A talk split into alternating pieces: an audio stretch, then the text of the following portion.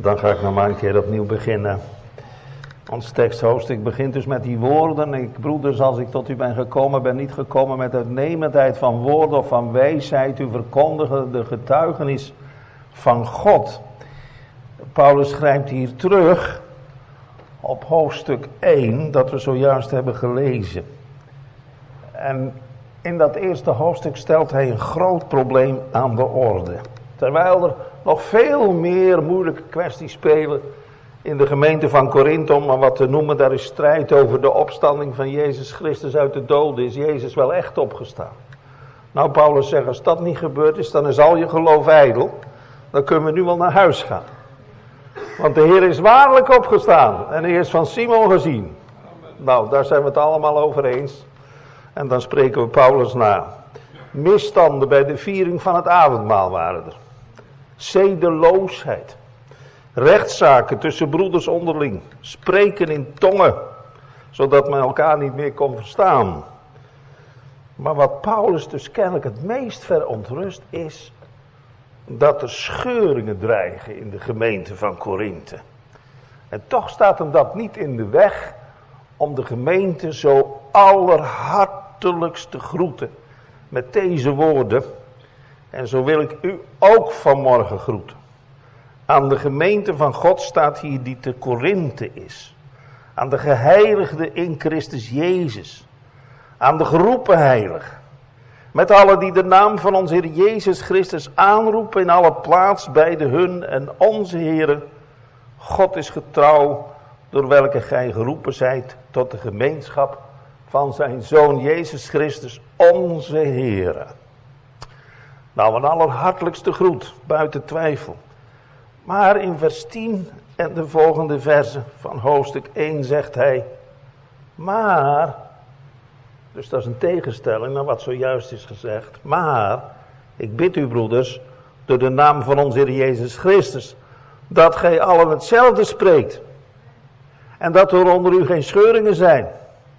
Want mij is van u bekend gemaakt, broeders, dat er twisten onder u zijn. Ruzies hebben we zojuist gehoord. En nu blijkt die situatie daar zo ernstig te zijn, dat de hele gemeente bij die ruzies betrokken is. In vers 12, daar zegt Paulus, dat een ieder van u zegt, dus ze zijn er allemaal bij betrokken, en dan komt het, ik ben van Paulus, en ik van Apollos, en ik van Kefas, en ik van Christus. Nou, dan zegt hij, is Christus gedeeld? Hoe kan nou het lichaam van Christus gedeeld zijn? Allemaal onder datzelfde hoofd. Ze worden door hem geregeerd. Hoe kan dit? En dan, dat is eigenlijk heilige spot. Dan gaat hij zo scherp spreken. Dan zegt hij, is Paulus voor u gekruisigd? Moet je zo van nadenken. Is Paulus voor u gekruisigd? Of bent u in de naam van Paulus gedoopt? Is Piet Pols voor u gekruisigd? Is Jan de Groot voor u gekruisigd? Dat is wat hij gewoon zegt hier.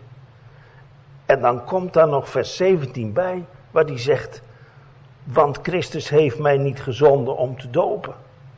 Maar hij heeft mij gezonden om het evangelie te verkondigen. En niet met wijsheid van woorden.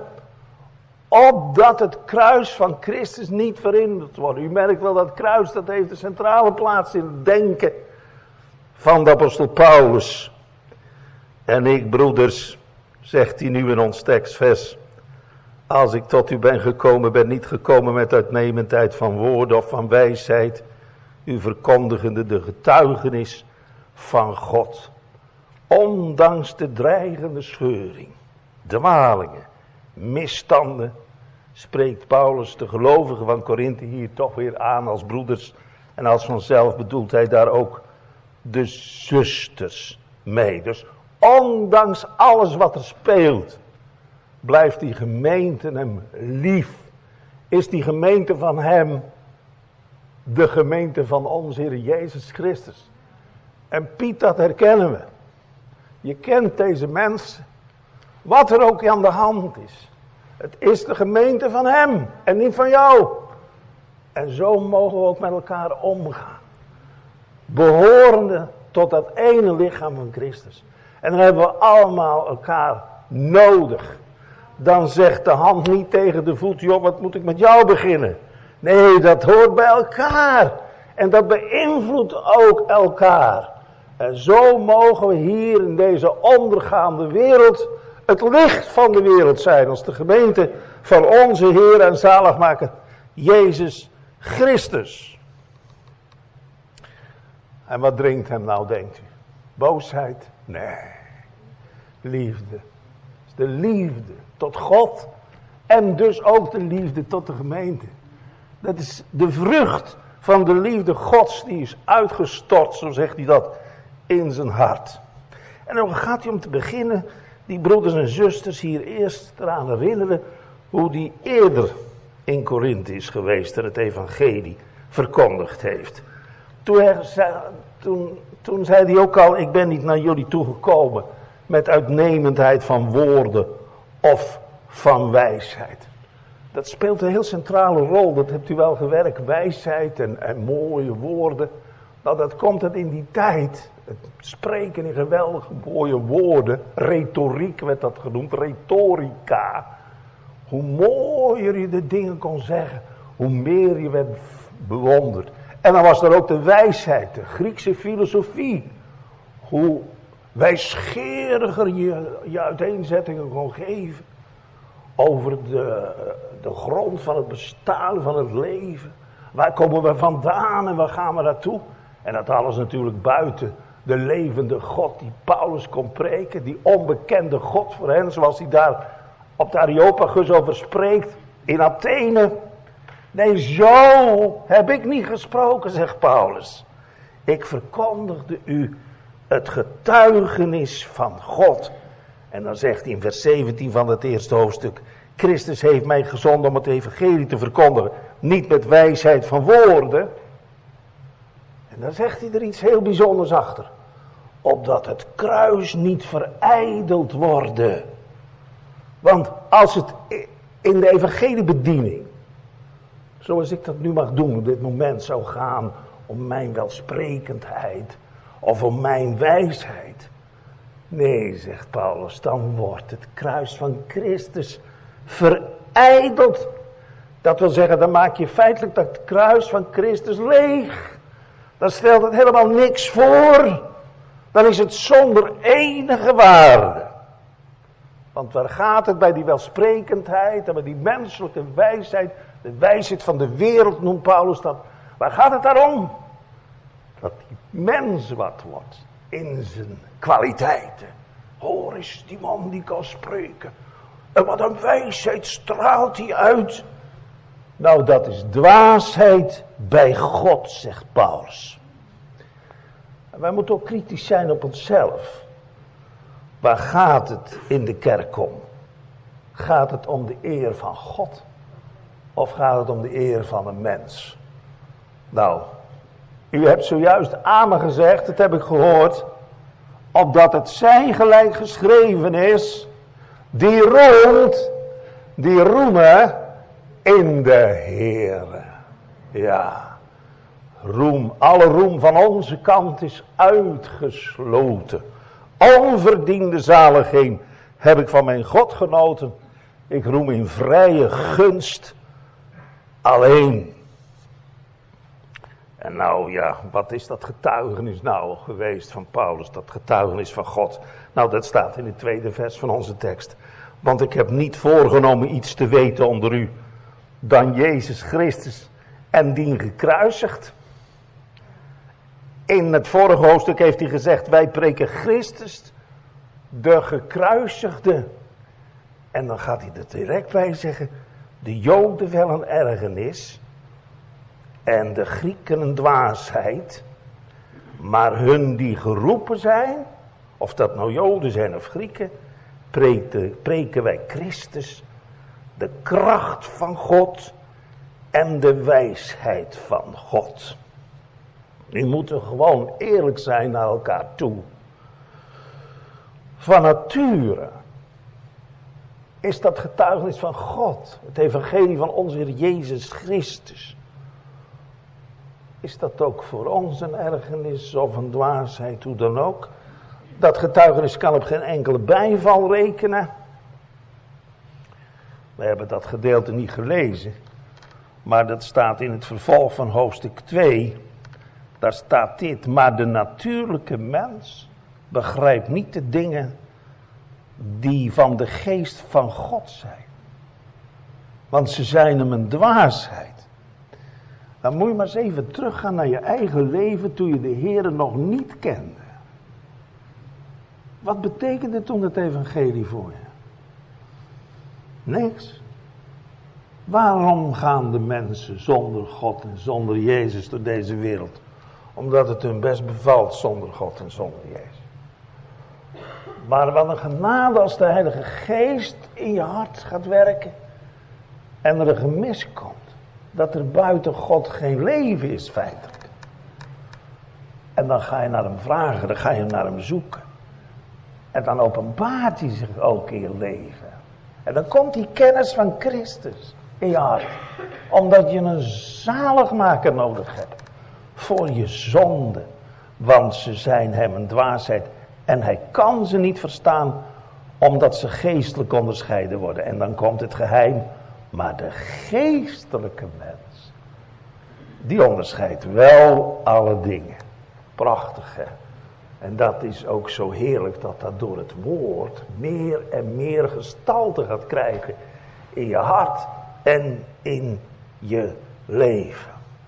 Maar wat doet God nou om die dwaze mens en die mens die in zijn ergernis luistert naar het evangelie, naar het getuigenis van de levende God. Wat doet God nou? Die confronteert ons met het kruis van Christus. En tegenover de wijsheid van de wereld stelt hij, zo zegt hier de apostel, de dwaasheid van God. Want laten we eerlijk zijn, als je nou zonder geloof daar iemand aan een kruis ziet, die hangt te sterven, die bloedt uit zoveel wonden, het is een spotkoning, de koning van de Joden, door de kroon op zijn hoofd. Hij kan niks meer doen. Hij kan alleen nog maar op zijn dood wachten. Daar is toch totaal niets aantrekkelijks aan. Waar zou je toch uh, tot hem wenden? Waarom? Nou, je ziet zo wel dat deze Jezus daar niet hangt voor die wijze mens die het allemaal zo goed weet. Voor die diepdenkende mens. En ook niet voor de welsprekende mens. Ook niet voor de godsdienstige mens. Of die ernstige, die serieuze man of vrouw of jongen. Nee, kijk nou eens goed. Jezus hangt hier voor doodschuldige zondaar. En zodra je dat doorkrijgt, dan komt er aantrekkingskracht naar dat kruis toe. Want je hebt een zaligmaker nodig. Om dat leven op het spoor te zetten van de godsvrucht. Dat hebben zo prachtig gezongen. Zaligheid die niet zit in de stoel van de spotters enzovoort. Die zal worden gelijk een frisse boom die geplant is aan waterbeken. Herken je het vanuit je eigen leven? Dan mag je vruchten voortbrengen, zegt de Jezus. Van geloof en van bekering. En wie in mij blijft, die draagt veel vrucht. Doodschuldige zondaar. Er is kracht. Kracht wonderbare kracht in het bloed van het lam. Nou, dan kijk je je levend op het kruis. Dan zie je een stervende zaligmaker voor jou. Dit deed ik voor u. Daar gij anders, de eeuwige dood, zou moeten sterven. Het is wat hè, dat hij nou juist in de wereld is gekomen. om te sterven. We hebben pas kerstfeest gevierd. En dan komen we bij de kribbe en dan zie je daar het kind liggen.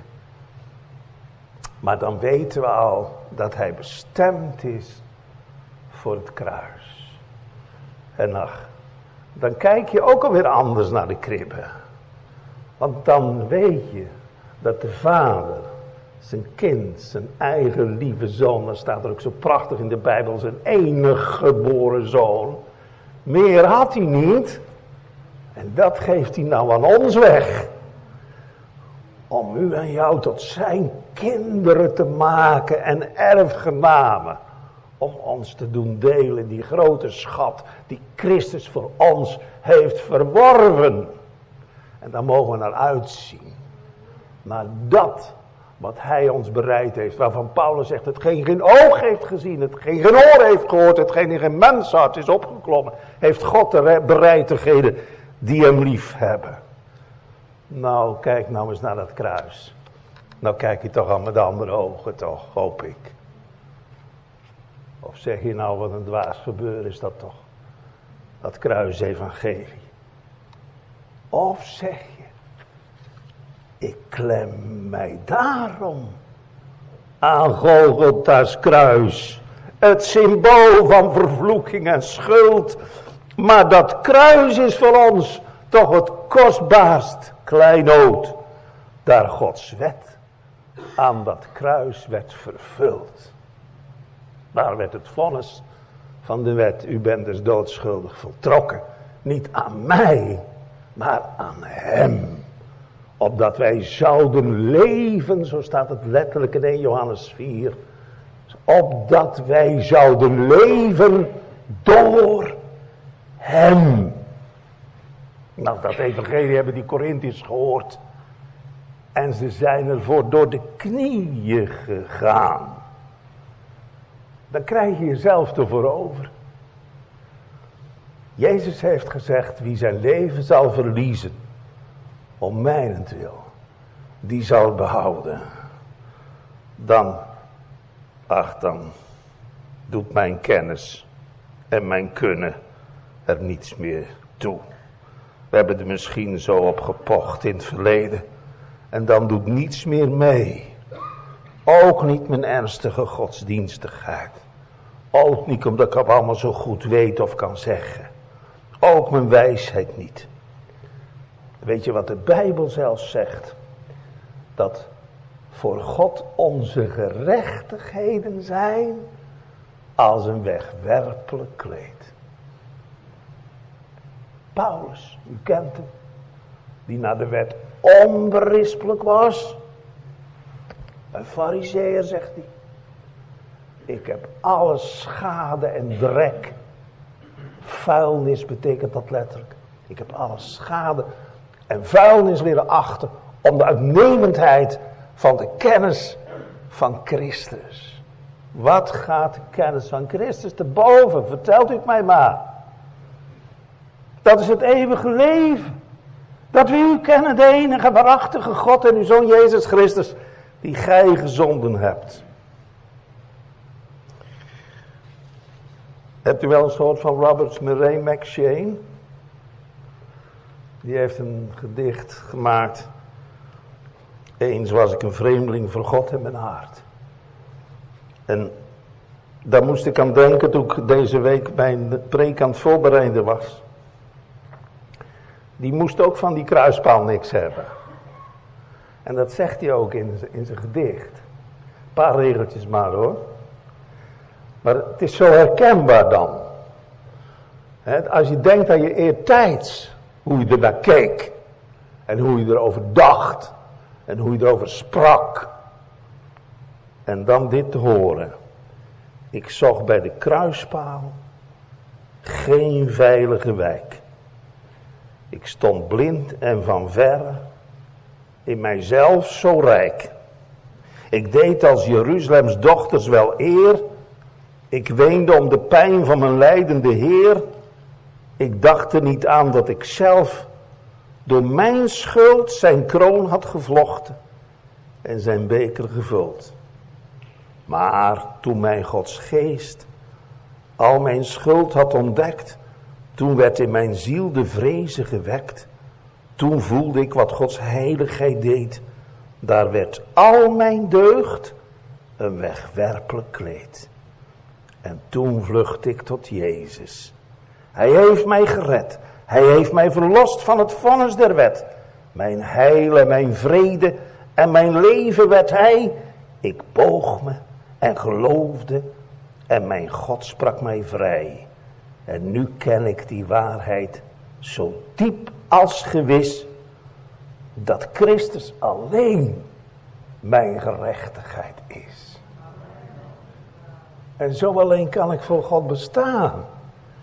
Als ik mij bekleed mag weten met de gerechtigheid van de Heer Jezus Christus zelf. De Heere, onze gerechtigheid. En weet je waar ik mij nu eigenlijk het meest over verwonderd heb? Dat God zich geopenbaard heeft in het vlees. Dat staat letterlijk zo in de Bijbel. Hè? God geopenbaard in het vlees. Dat we zeggen dat God geopenbaard is in de mens Jezus Christus. En nu heeft Jezus Christus nooit geen zonde gehad of gedaan. Hij is als een rein kind geboren zonder erfzonde.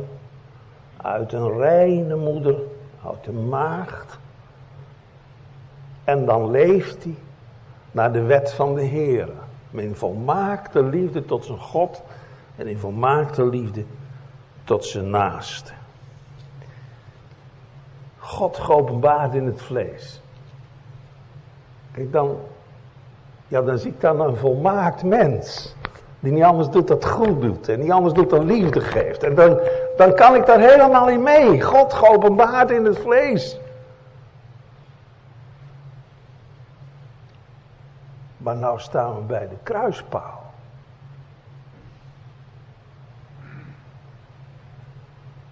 En dan denk ik aan Jezaja. Dat hij al onze ongerechtigheden op zich heeft genomen. Dat Paulus zegt dat hij een vloek geworden is voor ons. Dat hij die nooit geen zonde gehad of gedaan heeft, tot zonde gemaakt is. Hij is een en al zonde. Hij is het lam van God dat de zonde van de hele wereld wegbracht. Dan zie ik alleen maar een zoon van God die aan de zonde en de schuld en de toorn van God ten onder gaat. En dan zeg ik God geopenbaard in het vlees. Gaat wel erg ver. Gaat wel erg ver. Maar dan lees ik zelfs in Jezaja. Het behaagde de Heere hem te verbreizelen. God geopenbaard in het vlees. En broeder, door zijn striemen is ons genezing geworden. Dat bad u, hè? In de consistorie weet het misschien niet eens meer. Maar het viel mij op. Ik denk, ja broeder, dan ga ik die gemeente hier vanmorgen vertellen. Oh, die zaligmaker mogen preken. En Piet, dat is nou het liefste wat we doen, hè? Ja, dat hij gaat schitteren in zijn zonder liefde. Wat hij ervoor over gehad heeft. En dan moeten wij denken aan de hemelse vader, dat hij zijn kind ervoor over had. En dan moeten we denken aan de zoon, die zichzelf daarvoor over had. Helemaal. Zie, hier ben ik, zegt hij. Ik ben uw heil alleen. Het leven en een apostelschap van Paulus, die moesten passen in, in, in het kader van zijn prediking. En dat staat hier dan heeft hij over Jezus die gekruisigd is, die, prediking. En dan zegt hij, ik was bij in zwakheid en in vrezen en in veel beving. Ja. Daar moet je eens over nadenken. Hij heeft ontzettend veel meegemaakt, die Paulus. Als je de geschiedenis van Paulus, die zendingsreizen, doorneemt, dan wat die man meegemaakt heeft in zijn leven. En dat heeft natuurlijk zijn sporen getrokken. In zijn lichaam. Hij is gegezeld geweest, verschillende keren. Het heeft zijn sporen getroffen in zijn lichaam. Maar het heeft natuurlijk ook zijn sporen getroffen in zijn, getrokken in zijn psychische gesteldheid. Lichaam en geest zijn één. En dan is het opmerkelijk dat hij juist in die Korinthebrief, waar zoveel loos is en aan de hand is, zegt, ik was bij u in zwakheid, in vrezen en in veel beving. Daar was geen man hè, met een air van wijsheid en van welbespraaktheid. Nee, een man die zwak was. Die beefde. En dan moet je maar eens luisteren wat hij in hoofdstuk 11 zegt. Wat zijn leven ook is geweest. Ja, hij zegt, het leven is mij Christus. Christus zegt hij die mijn leven is. Maar dit is wat hij ook zegt. Van de Joden heb ik veertig slagen min één ontvangen. Vijfmaal. Driemaal ben ik met roede gegezeld geweest. Een keer ben ik gestenigd geweest. Drie keer heb ik schipbreuk geleden. Ik heb een ganse nacht en dag in de diepte doorgebracht.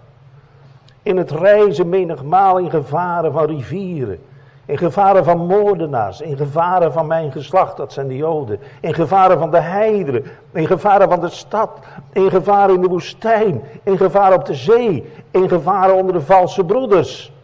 In arbeid en moeite, in waken menigmaal, in honger en dorst, in vaste menigmaal, in koude en naaktheid. Zonder de dingen die van buiten zijn, overvalt mij dagelijks de zorg van de gemeente. Wie is er zwak dat ik niet zwak ben? Als hij dat zegt, nou, wie is er zwak als ik dan niet zwak ben? Als je dit allemaal hebt meegemaakt. Zwak, beving. Ja, dan kunnen we dit begrijpen dat hij dit schrijft. En vrees. Het past ook bij het evangelie dat hij verkondigd heeft.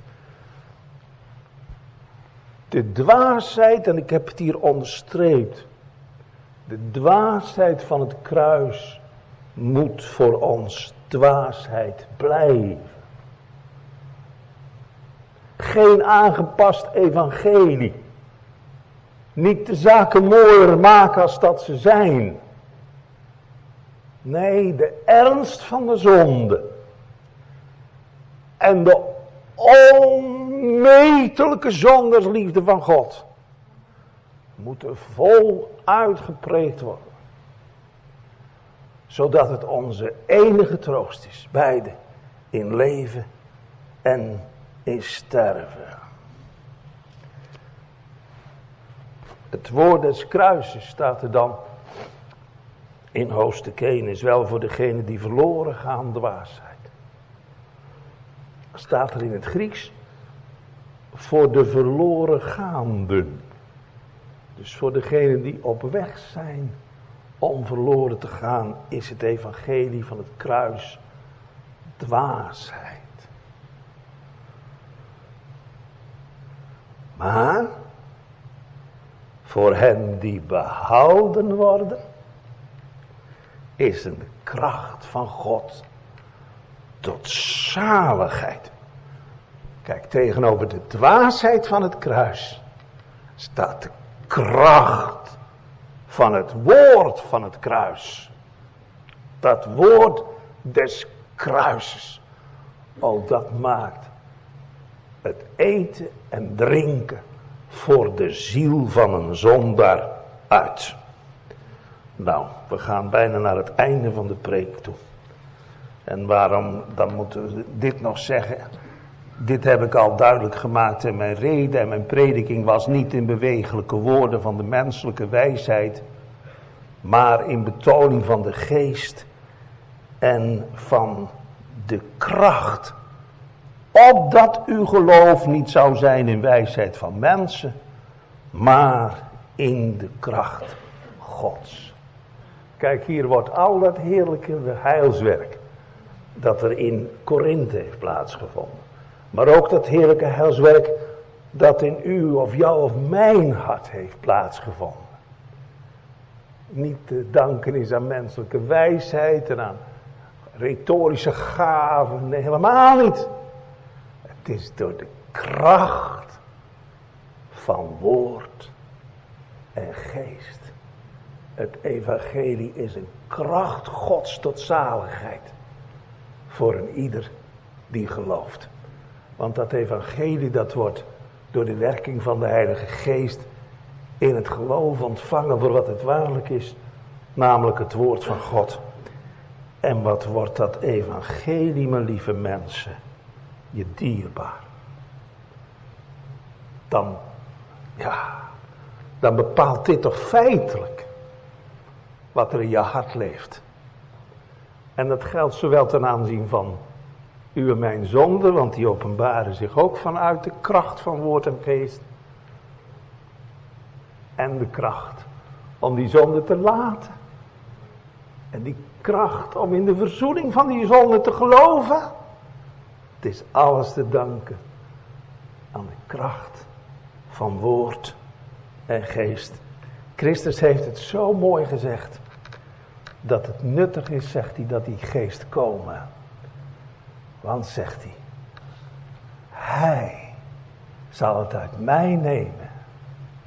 Uit die dierbare Christus. Dan weet je hoe dat woord is als het zijn werking doet in je hart. Het is uit Christus genomen. En daar, toe is het mij verkondigd. Opdat uw geloof niet zou zijn in de wijsheid van mensen. Maar, zegt hij, in de kracht van God. Oh, stel je voor dat ons geloof zou moeten afhangen op, woorden van mensen. Ja, zinloos, ja. Ja, nee.